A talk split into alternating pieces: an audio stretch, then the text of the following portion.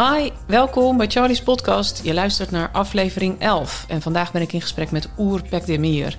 Oer is directievoorzitter bij Rabobank Amstel in Vecht en met hem ben ik in gesprek over zijn visie op leiderschap.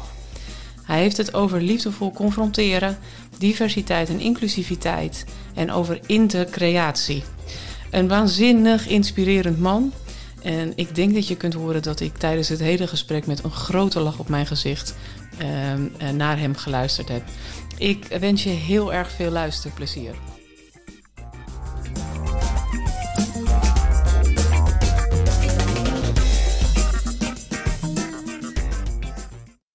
Ik heb hem aangezet. We gaan van start. Leuk. Oer Pekdemir, welkom in Charlie's podcast. Jij bent, uh, uh, uh, nou ja, het stokje is aan jou overgedragen door Anita Suikerbuik. Gaan we het straks vast nog over hebben. Voordat we dat doen, wil jij je eerst even voorstellen? Ja, ik ben inderdaad Oer, Oer Piktemir. Bijna 54 jaar. werkzaam in Amstel en Vecht. Directievoorzitter. ja, wat wil je nog meer van me weten, weet je? Maar ik ben marathonloper nou, nu heb ik last van mijn knie, maar verschillende marathons gelopen. Iemand die heel erg maatschappelijk betrokken is. Want ik geloof dat je eh, het verschil kunt maken door te investeren in de maatschappij. Uh, passievol man uh, voor zijn werk. ook, ook, ook, op maatschappelijke thema's, maar zeker ook op het gebied van werkzaamheden wat ik doe voor de Rabobank. Ja. Coöperatie, ja, daar word ik heel erg warm van. Waarom? Omdat de doelstelling van de uh, coöperatie, in ieder geval als ik naar de uh, Rabobank kijk, 120 jaar geleden zo'n beetje, door Raiffeisen met een, met, een, met een echte, met een ideaal is gestart. En namelijk de boeren die het zelfstandig de zaken niet voor elkaar konden krijgen. Het kapitalistische systeem die ze uitbuiten door krachten te bundelen en gezamenlijk iets nieuws op te zetten. Ja, dat, dat, dat, is waar ik denk van, weet je, dat is in anno 2021 nog steeds actueel. De onderwerpen zijn anders, de onderwerpen zijn anders, de thema's zijn anders, maar nog springlevend om met elkaar het verschil te maken. En daar geloof ik heel erg in. En daar staat de Rabobank nog steeds voor? Ja, absoluut. Ja, ja, ja, ja, ja. mooi, mooi hoe je dat zegt. Ja, je, je, je bent ook spreker, hè? Dat doet het me meteen ook aan denken. Want uh, het thema van, van jou uh, is het denken vanuit samenspel. Ja. Wil je daar eens wat meer over vertellen? Ja, ik geloof, kijk, samen, samenwerken, samenspel, dat zijn eigenlijk uit managementleerboeken weggelopen woorden waar dan eigenlijk bijna clichématig klinkt. Maar ik geloof oprecht als je iemand recht in de ogen kijkt en zegt van we gaan dit gezamenlijk oppakken. Mensen zetten hun, hun kracht en vervolgens daarop voortbouwen, daar geloof ik zo heilig in. De, de, de, de uitdaging is altijd eh, die, juist die knop te vinden. Als je eenmaal die knop hebt gevonden, dan wordt inderdaad samenspel eh, namelijk dat 2 plus 2 is 5 effect. Ja, dat zie je echt in praktijk. Dat zie ik in mijn werkomgeving, dat zie ik in mijn privéomgeving. Alleen het moet authentiek en echt zijn. Als dat authentiek en echt is, ja, dan, dan, dan hoef je dat woord eigenlijk niet eens te definiëren. Je ziet het gebeuren. Ja. En hoe doe je dat? Hoe geef jij dat dan vorm in de praktijk? Want je zegt het dan natuurlijk dat knopje. En dan, ja, dat klinkt voor jou volgens mij heel erg gewoon. Maar kan je dat eens uitleggen? Ja, eigenlijk door heel dicht bij mezelf te blijven. Ik doe me niet groter voor dan dat ik ben. What you see is what you get. Dus heel erg authentiek, gewoon heel eh, eigenlijk bij jezelf te beginnen. Wat zou ik zelf prettig vinden? Hoe zou ik benaderd willen worden? En, en vervolgens dat toe te passen. En als je het fout doet, kun je maar één persoon kwalijk nemen. En jezelf. Want jij bent degene die de regisseur is van je eigen gedrag. En daar geloof ik heilig in. Op het moment dat je dat op die manier benadert, geeft dat in ieder geval bij mij heel veel ruimte. Om mensen te benaderen, mensen met dingen te confronteren, de liefdevolle confrontatie aan te gaan, zoals ik dat noem, op het moment dat de zaken niet gaan zoals ze gaan. En at the end of the day gewoon leveren. En ja, weet je, dat kan hand in hand gaan. Alleen daar moet je zelf, zelf zeg maar, doorleefd hebben en zo bij jezelf aanvoelen. Ja. Ja, dus dat is het. Dat is het. Dat, dat klinkt allemaal weer heel erg eenvoudig, hè?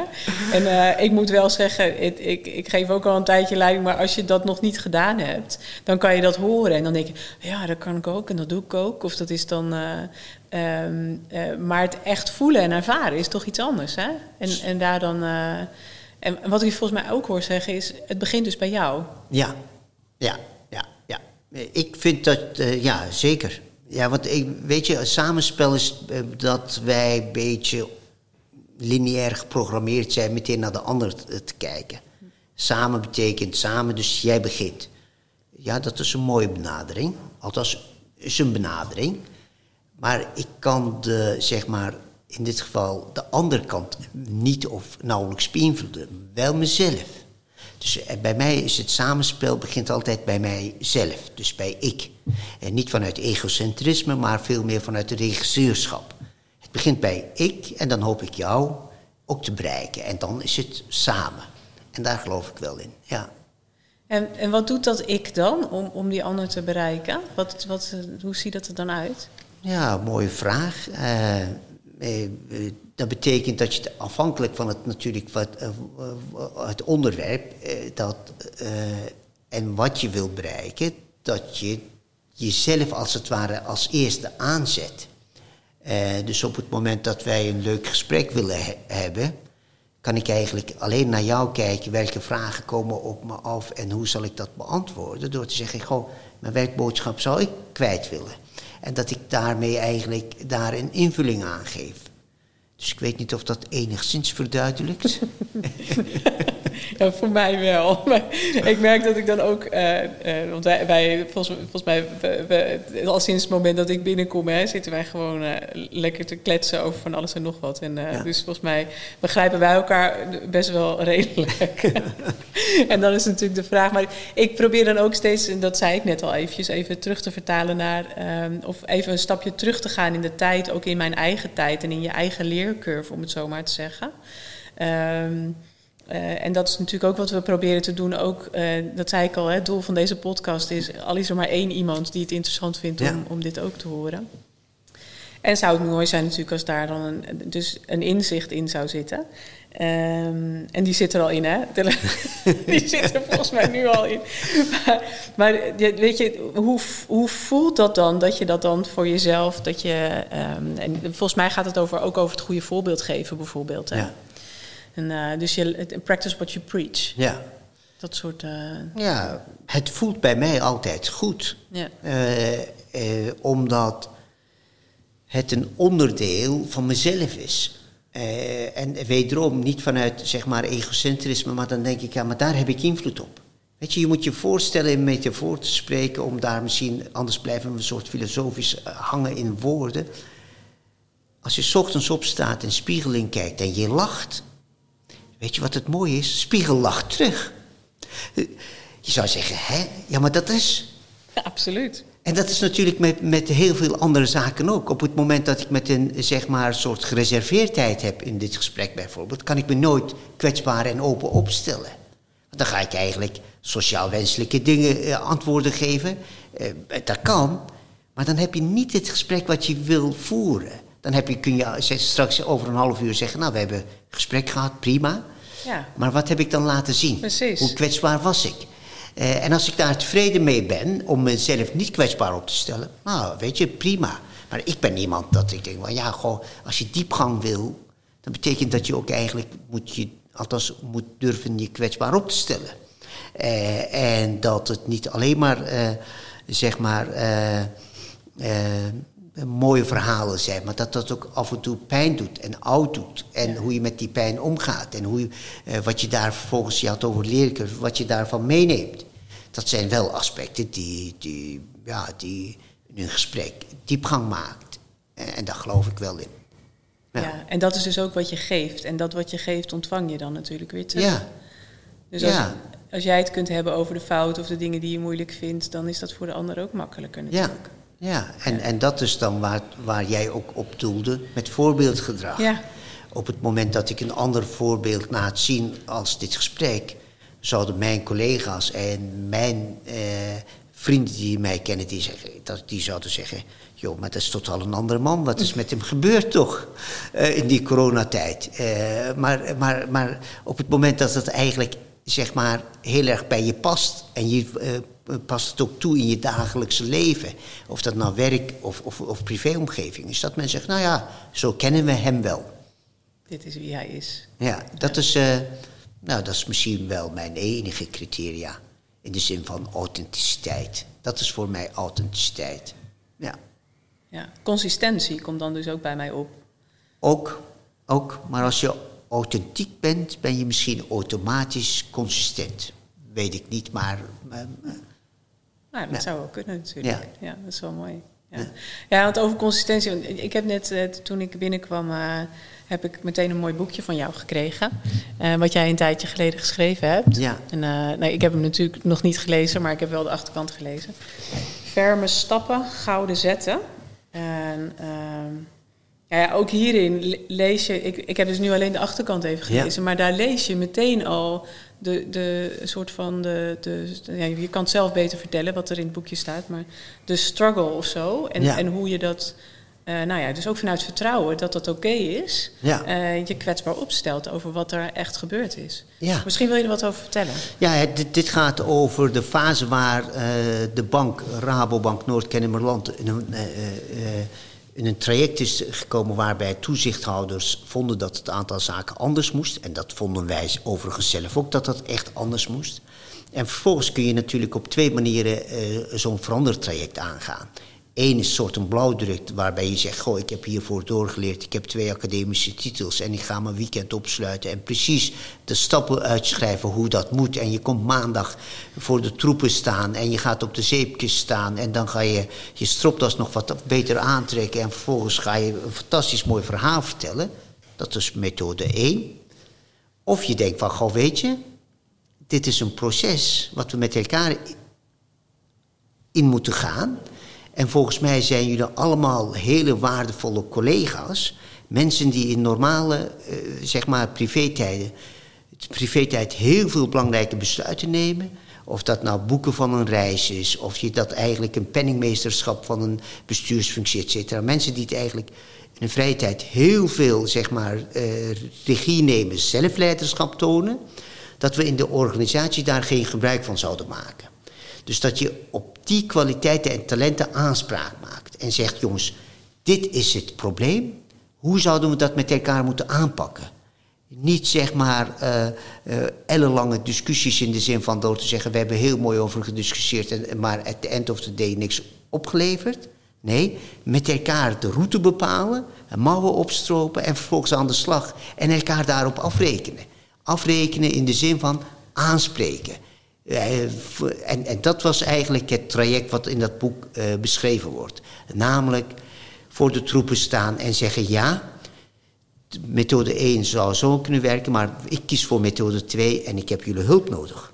Zorgen dat het kriskrast door de organisatie mensen op, opstaan die zeggen ik wil mijn verantwoordelijkheid nemen voor dat deel en vervolgens dat gaan trekken. Ja, dat is ja, als ik er terugdenk naar die tijd, dat, uh, krijg ik nog steeds echt heel veel energie. Dat is de wijze waarop je eigenlijk mensen empowert. Mensen in hun kracht zet. Met vallen en opstaan. Want dat is voor hun ook voor het eerst, maar voor mij ook. En vervolgens eigenlijk dat met elkaar door te pakken. En binnen anderhalf jaar het resultaat neer te zetten. En als best practice voor dat te gaan. Ja, ja bijna uit het boekje. bijna uit het boek. Nou, je hebt er letterlijk een boekje over geschreven. terwijl, terwijl, je, uh, terwijl je het wel aangaat op dat moment. En het dus ook heel spannend kan zijn, kan ik me voorstellen. Ja. Ja, ja, is het ook. Kijk, juist in zo'n crisissituatie wil je juist uh, laten zien dat je de, de, teugels in de hand hebt. dat kan, maar ik denk dat de houdbaarheidsdatum daarvan tijdelijk is. Terwijl je eigenlijk voor een, als je in verandertermen, voor een duurzame uh, verandering wil. Namelijk dat dat doorleefd wordt, dat dat gedragen wordt. Als je dus eigenlijk dat proces doorlopen hebt, uh, dat dat ook zeg maar voortgang kan plaatsvinden. Uh, ja, en dan moet je dus kracht hebben, want ik gebruik even in plaats van het woord kwetsbaar misschien kracht.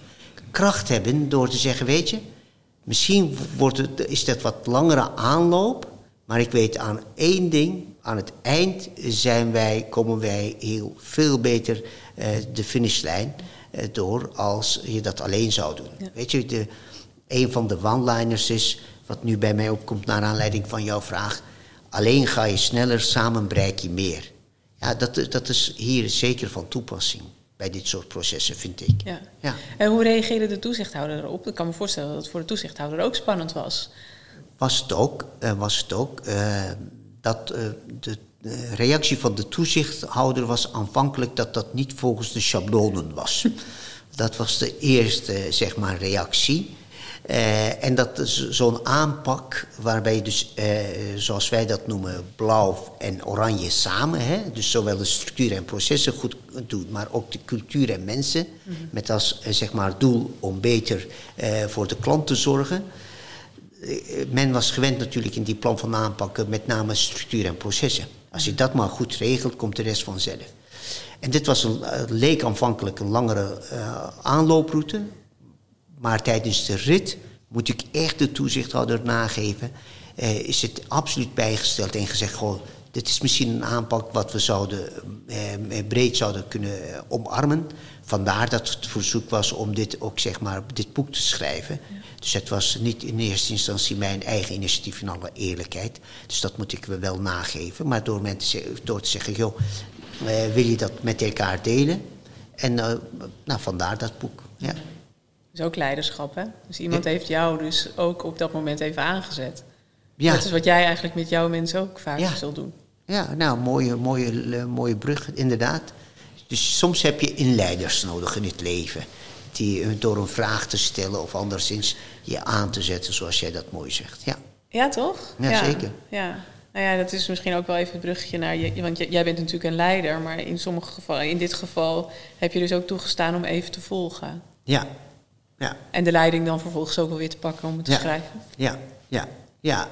Ja, maar ja, zo gaat het in het leven, denk ik wel. Weet je, het is natuurlijk niet een lineaire lijn.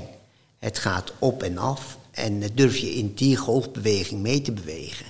Uh, en, en, en, en raak je niet in paniek als het eigenlijk zeg maar even de golf naar beneden gaat. Uh, ja, als je daaraan overgeeft. Net zoals eigenlijk in een water, je kent dit wel. Uh, in zee, op zo'n, uh, dat je helemaal rustig ligt en concentreert en in de dijen van water je laat meebewegen.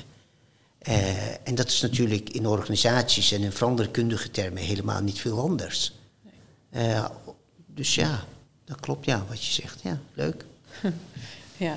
Ja, en, en, zeker, maar dus even die spanning opzoeken, zoals wat jij dan ook in, in, in deze casus dus ook beschrijft. Even die spanning opzoeken van er doorheen durven gaan. Ja.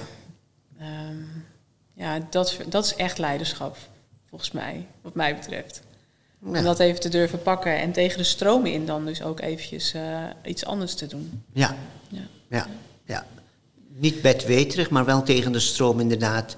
Eh, in dingen die je waarin je gelooft, uit blijven dragen. Mm uh, en nogmaals, niet door koppig te zijn, maar door, omdat je oprecht in iets gelooft. Ja. En dan moet je van goede huizen komen, om vervolgens eigenlijk daar geen kans voor te, te geven. Op het moment dat iemand tegenover je zit die het heel erg in gelooft, in die aanpak, ja. en, en, en met passie voor wil gaan, ja, wat ga je dan zeggen? Weet je, althans. Uh, dan denk je van, nou ja, laten we dit maar eens proberen. Laten we experimenteren. Doe je dat nu nog steeds? Is dat in elke dag, zo op de manier zoals je leiding geeft aan deze Rabobank? Ik probeer het wel, ja. Want ik, ik, ik moet zelf ook heel veel zeg maar, energie hebben. En die energie, wederom waar wij in het begin van het gesprek hadden... van aan wie laat je dat... Hè, van begin je bij jezelf of wacht je tot de ander over de brug komt? Nou, ik geloof dat ik eigenlijk uh, uh, iedere dag mijn energie wil organiseren dingen die ik doe, dat ik, ik vind dat leuk. Uh, midden in de samenleving, uh, met coöperatieve thema's, met bankieren bezig zijn, het verschil willen maken. Ja, weet je, ik kan wachten tot de klant een keertje binnenkomt wandelen. Uh, maar ik kan ook zeggen, ik ga naar de klant toe. Ja. Ik heb vandaag in de krant dit gelezen en dat is mijn klant daar, die daarmee bezig is. ja, dat is mooi om daarmee aan te werken, absoluut. Ja. ja. ja. Mooi. Ik wil met jou even toe naar, ehm, eh, naar je achtergrond eigenlijk. Eh, en ook over wat dat voor... Want jij doet ook een, een aantal echt maatschappelijke dingen. Daar komen we dan ik zo ook wel op. Ja. Ehm, jij hebt een eh, Turkse achtergrond. Ja. Uh, nou ja, dat verhaal kun je ook het allerbeste zelf vertellen. En, wil je, Nou, ja? Ja, nou, ik was elf toen ik in het kader van gezinshereniging eh, naar Nederland kwam. Mijn vader was typisch eerste generatie gastarbeider. Ja, dan kom je naar het land eh, waar je vader jarenlang heeft gewerkt. En vervolgens moet je de taal leren. Eh, en daarna ga je natuurlijk het onderwijstraject in. Daarbij kunnen je ouders je niet echt helpen. Niet omdat ze niet willen, maar omdat ze het onderwijssysteem nooit doorgrond hebben. Eh, dus dat betekent dat je eigenlijk relatief op jonge leeftijd zelfleiderschap en regisseurschap moet tonen. Wat wil ik? Welke kant moet ik op? En in dat traject zowel je vader meenemen, of je ouders meenemen, als eigenlijk je omgeving. Want eh, omgeving is in dit geval onderwijs. Ik zal nooit vergeten dat na de eerste jaar brugklas... dat de leraar, na, overigens met alle goede bedoelingen... om misverstanden te voorkomen... mij adviseerde naar LTS te gaan. Maar ik dacht, LTS, ik kon mijn fietsband niet plakken. Laat staan dat ik auto's moest repareren. Dat was mijn beeld van LTS. Lager technische eh, school. Ja. Dus, eh, en mijn vader, ik zal het nooit vergeten, mijn vader zei: Jong, maar als die leraar dat adviseert, dan doe je dat toch. Want die kent jou het best in de schoolsituatie. Ik zeg: Ja, maar papa, ik kan mijn fietsband niet plakken. Dus eh, ik wil dat niet. Ik wil gewoon, gewoon leren. Nou, dan moest ik dus eerst thuis een eh, heel gesprek aangaan. Eh, en vervolgens moesten we het gesprek met mijn vader en met mijn moeder samen op school aangaan. Dus ik moest zowel thuisfront overtuigen dat ik iets anders wilde, maar ook het school. Uiteindelijk is het allemaal goed gekomen hoor. Ik heb dus echt verschillende vormen van voortgezet onderwijs gehad. Uiteindelijk doctorale economie in Tilburg eh, afgestudeerd in 1992. Dus ik was 25 jaar.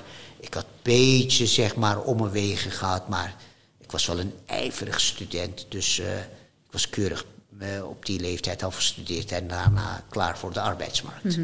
Ja. Maar de- je hebt een enorme doorzettingsvermogen nodig als kind. Want je bent nog maar gewoon een kind hè, op Ja. dat moment. En zeg dat iets over... Want daarmee ben je volgens mij ook een voorbeeld voor een hele grote groep. eh, nou, jongeren ook. Of mensen die... ik kan ik me zo voorstellen in ieder geval. Ja, maar dat, ja, dat hoop ik in ieder geval dat die voorbeeldrol eh, zeg maar aanstekelijk werkt. eh, en dat je door het doorzettingsvermogen in te zetten of aan te spreken, dat je gewoon heel veel dingen kunt bereiken. Ja. Daar geloof ik heel erg in. Eh, dat kan natuurlijk eh, voor jongeren zijn. Maar ook, je ziet natuurlijk verschillende mensen die op latere leeftijd bijvoorbeeld ook allerlei studies volgen. Dat is ook inspiratiebron. Dat je zegt, joh, maar eh, wat beweegt deze meneer of mevrouw om mouwen op te stropen en er eigenlijk toch voor te gaan? Eh, voor carrière, eh, om zo maar eens te zeggen, hoeft het misschien niet qua leeftijd. Maar als ik bijvoorbeeld op universiteit ben, als ik de eh, aantal senioren zie, dan noem, ik echt senioren, mensen die gepen- gepe- gepensioneerd zijn, die opleidingen volgen. Ja, daar heb ik zo groot respect. Dus dat betekent dat je eigenlijk innerlijk met iets bezig bent. Dus ja, doorzettingsvermogen, absoluut. Ja, nee, dat moest ik wel. eh, ja, vandaar misschien de marathonloper. Dan moet je ook 42 kilometer lang loop, blijven lopen tot een finish. Maar, maar ja, ja, ja. Wat maakte dan dat jij, dat jij op jonge leeftijd al dacht, maar dit is wat ik ga doen? Want er is dus ook niets aan jou wat getwijfeld heeft. Jij dacht gewoon, ik, ik ga dit pad gewoon lopen.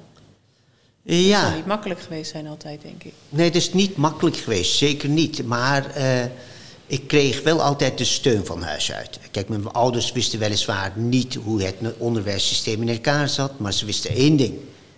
Als je in je vermogen hebt en je kunt studeren, moet je het vooral doen.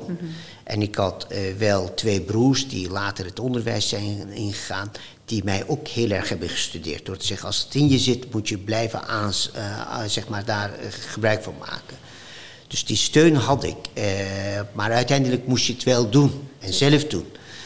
Ja, en ik ben niet iemand die gauw opgeeft. Ja, je pas je aan. Ik zal nooit vergeten dat op middelbare school in de derde klas of zo werd gevraagd: wat wil je later doen? Uh, dat ik in, een, uh, ja, dat in mijn enthousiasme zei: ik zou best journalist willen worden. Dat mijn uh, klasgenoten mij uitlachten, want in de zin van journalist, joh, wacht eens even, wat was MAVO, weet je? Dan journalist, ik bedoel, als je afgestudeerd, althans je MAVO-diploma haalde in die tijd, dan ging je iets anders doen. Maar journalistiek, ja, dat, ja, je past je aan, weet je, in de zin van als je heel erg hoge cijfers haalt en uh, voor een studiebol wordt uitgemaakt, zorg je dat je volgende keer dat je één vraag overslaat en dat je dan zeg maar niet een hele hoge cijfer haalt, maar je weet zeker dat je voldoende hebt. Ja, dat is natuurlijk, en dat is natuurlijk puberaal gedrag, maar dat is natuurlijk, je pas je aan en je probeert daar binnen eigenlijk je wegen te vinden uh, om vervolgens door te komen zonder dat je het heel erg uit de toon valt. Ja, ja, ja. Ja. Maar ik wist wel uiteindelijk, ik wil naar de universiteit. Ik wist natuurlijk niet welke, welke, welke richting, et cetera. Uh, maar ik wist één ding, ik ga studeren.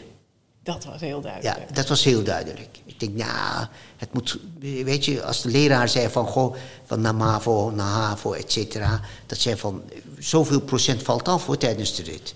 Dacht, hij zei 80% valt af. Ik dacht, ja, 20% dus niet. Waarom zou ik niet tot die 20% kunnen behoren? Dat is een soort een, misschien heldhaftigheid die je jezelf als het ware aanpraat. Maar wat wel, wel voor mij altijd wel houvast bood. Ik denk, ja, waarom zou ik niet tot die 20% behoren? Ik ga enorm mijn best doen. En als ik het niet haal, dan kan ik ja, mezelf in de, recht in de ogen kijken door te zeggen: Je hebt voor geknokt, maar niet gehaald. Dan heb ik dus het vermogen niet, intellectuele capaciteiten misschien niet. Maar als dat wel aan de orde is door het gebruik te maken van de talenten, ja, daar moet je wel voor, voor gaan, vind ik. Ja, ja. ja dat, moet, dat vind je ook wel echt, hè? Ja, ja absoluut. Ja, ja, ja. haal eruit wat in. Ja, mooi. Ja, heel mooi. Ja, ik denk, het is natuurlijk voor jou zo gewoon, omdat dit is jouw manier van zijn en van, van doen. En dat, dat neem je nu nog steeds mee natuurlijk. Ja. elke dag. Ja, ja, ja dat, is, dat is. Dat neem ik iedere dag. Ja, nee, ja. ja dat klopt. Nou, het is, het is, het is, dat zijn van die dingen die volgens mij op een gegeven moment zo impliciet en onbewust zijn... dat het voor jou zo gewoon is. Um, maar ik kan me ook voorstellen dat er mensen zijn die, uh, die daar echt anders in zitten. En eh, tegen wie gezegd wordt, nou, weet je, die, ik denk dat ik de HAVO wel kan. Maar ja, ja, ik doe nu een MAVO. En als ze tegen me zeggen dat het echt niet gaat lukken, ja, dan denk ik dat ik het maar niet moet doen. Ja. ja. Die zijn er ook best veel, denk ik. Zeker, zeker. Zeker. Dat is het overgrote gedeelte, denk ik. En ja. het gaat nu over MAVO, HAVO, maar dat zit natuurlijk ook in allerlei lagen. Als je je ambities uitspreekt in, uh, in een organisatie bijvoorbeeld. Ja, ja, ik, ik, weet je, ik heb daar geen waardeoordeel over, maar dat is inderdaad uh, wat je, uh, waar je zelf voor wil gaan. Ja. Weet je, misschien is het inderdaad uh, door die ambitie niet te volgen, misschien een juiste besluit, besluit dat weet ik niet. zolang je maar innerlijk voor jezelf de rust kunt vinden door te zeggen: Het was een goed advies van die leraar, ik heb dat gedaan of niet gedaan. En dat voelt goed. Ja. Bij mij was er altijd de drang ja, maar dat voelt niet goed. Bij LTS voelde gewoon niet goed. Eh, omdat ik oprecht, nog steeds overigens kan ik geen fietsband plakken, maar... Eh, nee, geintje hoor, ik kan het wel. Uh, maar, maar, maar, maar, maar, ja, dat, dat, dat je daar gehoor aan geeft, aan je gevoel. Ja, ja. Wat doet jouw uh, ontstaansgeschiedenis met jouw manier van leiding geven? Ontstaansgeschiedenis moet je me nou, even helpen. Nou nee, jou, dus dat waar je vandaan komt, jouw of de cultuur waar je uitkomt. Je bent natuurlijk hartstikke... Uh, maar je hebt de eerste tien jaar van je leven natuurlijk in ja. uh, Turkije ben je opgegroeid. Is dat een groot verschil met hoe we het in Nederland doen? En, en heeft dat nog gevolgen voor hoe jij vandaag uh, leiding geeft? Nou, mooie, maar een ingewikkelde vraag. Ja. Ongetwijfeld. Ik bedoel dat eh, even los van zeg maar geografisch Turkije, Nederland, et cetera, eh, sociale klasse, noem maar op. Je hebt natuurlijk altijd word je gevormd uh, waar, uh, hoe je, zeg maar, waar je opgroeit. Dat is evident, dat blijkt ook uit allerlei onderzoeken op jouw vraag terug te komen, in hoeverre zie je dat dan eigenlijk weer terug in je leiderschap, hoe je gevormd bent? Ja, dat, eh, dat, eh, dat kan niet anders dan dat dat eigenlijk ingebakken is. Eh, ik gebruik veelal het woord intercreatie. Let op, niet integratie, maar intercreatie. Intercreatie is dat je gezamenlijk iets nieuws bouwt. Eh, dat je daar ruimte hebt vanuit universele waarden en normen, wat wij heel erg belangrijk vinden met elkaar. En dat je dat dan eigenlijk daar eh, met die eh, zeg maar achtergrond die je hebt, hoe je gevormd bent, dat als het ware meeneemt en, eh, en, en, en iets, tot iets nieuws smeet. Uh, waarom ik integratie zeg maar niet gebruik, is integratie is heel erg eenrichtingsverkeer. Dus want dat vind ik zo, in onze organisatie doen we dat zo. En ik, ik zie dat je nu, nu bent bij, ons, bij ons, uh, kantoor, maar ik zag dat je de verkeerde route hebt genomen. Wij nemen altijd die route, weet je, van links naar rechts. Oké. De intercreatie is door te zeggen, ja maar wacht eens even, maar wie zegt dat die route die je neemt per definitie de juiste route is? Is het nou niet ruimte om met elkaar daarover te praten? Nou, dat. Dus dat zal natuurlijk in mijn leiderschap terugkomen. Ik ben iemand die heel erg voor inclusiviteit is, voor diversiteit. Ik ben zo gevormd zoals ik gevormd ben. En dat neem je mee. Dat kun je niet zeggen, joh, dat doen we in een, in een, in een aktentas en die doen we dan in de lokker. En dan ben je opeens eigenlijk niet meer de persoon. Nee, dat uh, neem je gewoon mee. Ja. ja.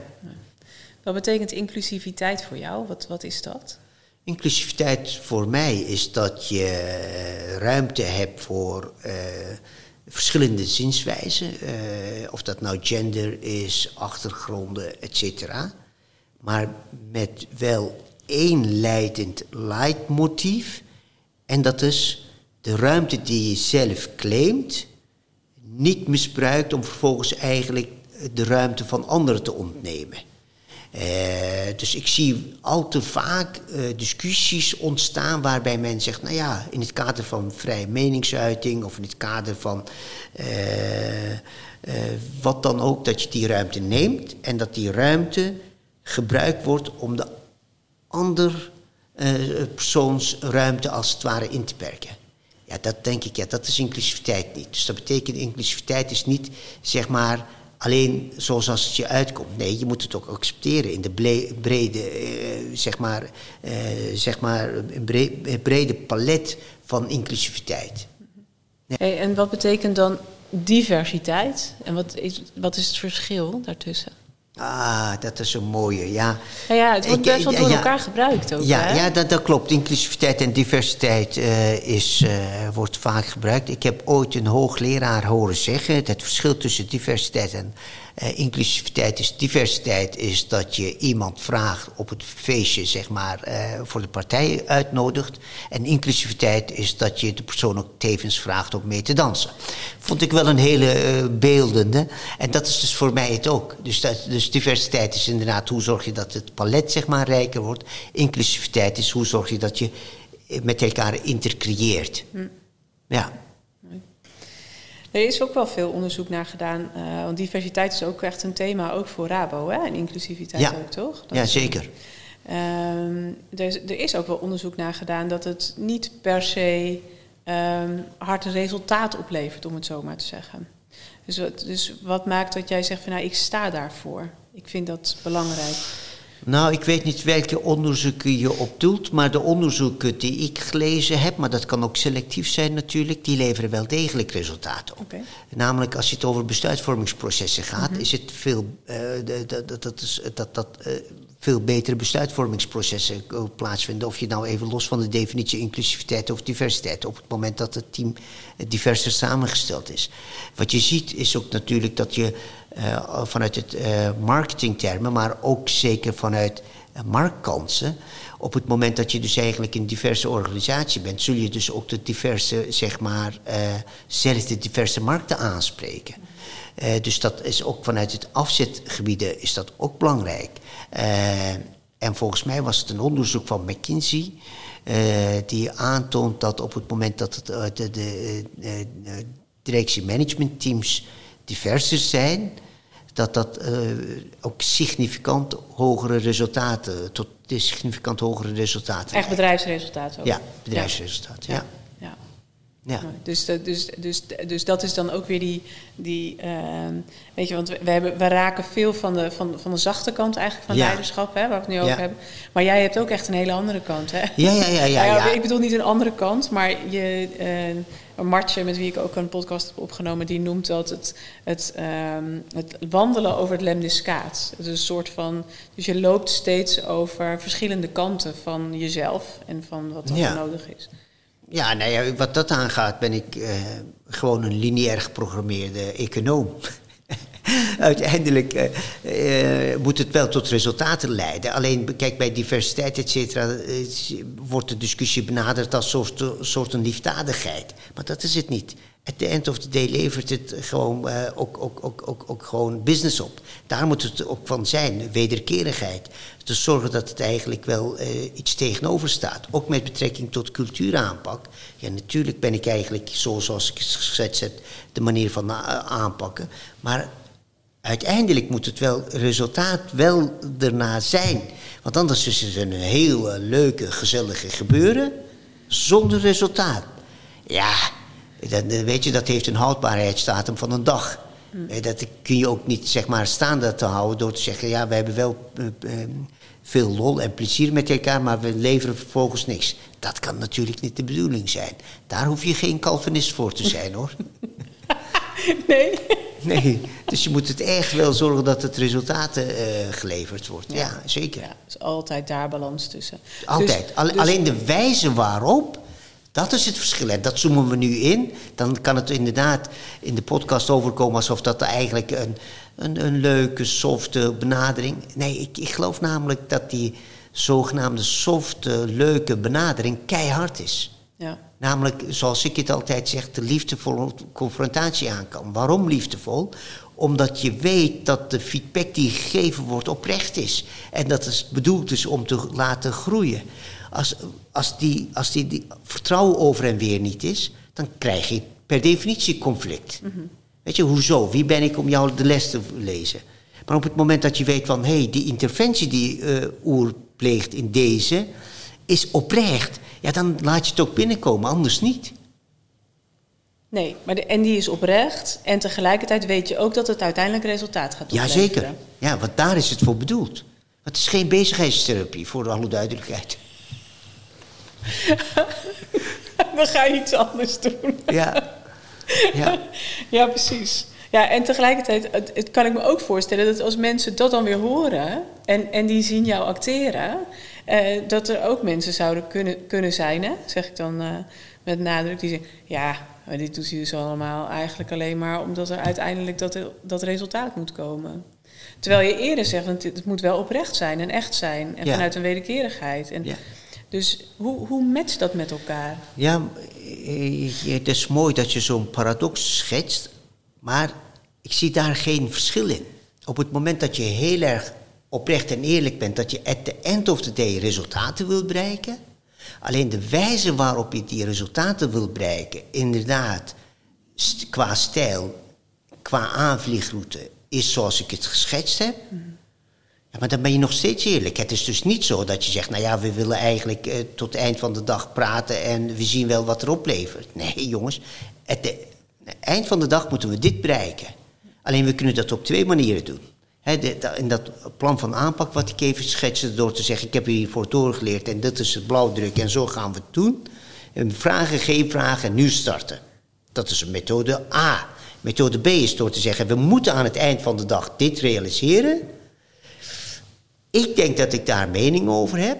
Maar ik zou ik, ik, ik, ik weet zeker dat jullie even goede of zo niet betere ideeën daarover hebben. En dan is het inderdaad met elkaar ervoor gaan zitten en distilleren wat het beste is. En vervolgens gaan we daarvoor. Ja. En dan is het eind van de dag resultaat.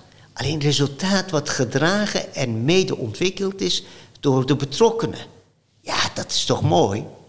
Ja, dat is prachtig. En daarmee overtref je volgens mij zelfs ook vaak resultaat. Hè? Ja, ja. ja omdat dat Je, je, je eigen fonds is, je eigen idee. Je bent de auteur, je bent de, de, de, de, de uitvinder van dat idee. Je internaliseert, vandaar dat ik het woord gebruikte, duurzame verandering. Dat is niet even een trucje door wortel en, en, en, en, en eh, zweep te hanteren, maar door mensen eigenlijk te laten doorleven. Ja, dat is toch, ja, ja, als ik erover praat, word ik alleen maar enthousiast. Dat is Nee, wel, het is zo mooi. Ja, het is een podcast, dus we kunnen je niet zien. Maar je bent, je, ja, je bent natuurlijk eigenlijk een soort van de rust zelf. Maar je hoort echt gewoon, hier zit echt jouw passie op, hè? ja, Ja, prachtig. En, en dat is dus ook de echte oprechtheid die erin zit. Ja. Waarmee je dus met elkaar dat resultaat gaat behalen. ja, ja, ja. En ingewikkelder is het niet, hè? Nee. het is geen rocket science. Nee, Ja. mooi hoor. Het is heerlijk om je, eh, om je te horen. En ook, ook, ik, mag, ik heb het voorrecht om je ook nog te mogen zien. Nou, dank je, Dus, eh, dank je. Het is erg mooi. Eh, we zijn al bijna door onze tijd heen. Wauw, gaat- wat is dat snel gegaan, eh, Patricia. Het is wat, hè? Ja. Ja. ja. Heb je wel gezegd wat je wilde zeggen? Zijn er nog dingen die je nog, eh, waarvan je zegt, nou... Nee, ik vind dat we. eh, Ik denk dat we alles geraakt hebben. En misschien tot slot moet ik altijd aan de mooie gezegde van een, eh, een bisschop uit Zuid-Amerika denken, Dom Heller Camara. Die ooit gezegd heeft: Als ik droom, dan is het alleen maar een droom. Als we gezamenlijk dezelfde droom beginnen te hebben, is het begin van de realiteit. Prachtig. Dank je wel daarvoor. Ik heb nog één vraag voor je. Aan wie wil jij het stokje overdragen? Ik denk aan Adriaan in het groen. En waarom? Adriaan is zijn leven lang gepassioneerd eh, in zaken onderwijs, onderwijssystemen. Eh, zoveel bezig met zijn paradigma en paradigma shifts. Dat moet een heel goed gesprek kunnen zijn. Mooi. We gaan kijken of hij ervoor open staat om eh, in Charlie's podcast eh, mee te doen. Ja. Dank je wel voor dit gesprek en voor je inspiratie en dat ik hier bij je mocht zijn eh, in Amsterdam, Amstelveen. Ik zeg. Graag gedaan. Jij ook bijzonder dank voor je mooie vragen, voor je betrokkenheid. Dank. Ja, dat was hem alweer. Aflevering 11 van Charlie's podcast. Oer, dankjewel. Wat een energie en wat een passie. En het was waanzinnig waardevol om bij jou te mogen zijn. Wil je nou meer informatie? Kijk dan even op www.charlies.nl. Daar kun je ook de podcast terugluisteren. En natuurlijk via de Spotify-app en via Apple Podcast. Graag tot de volgende Charlies.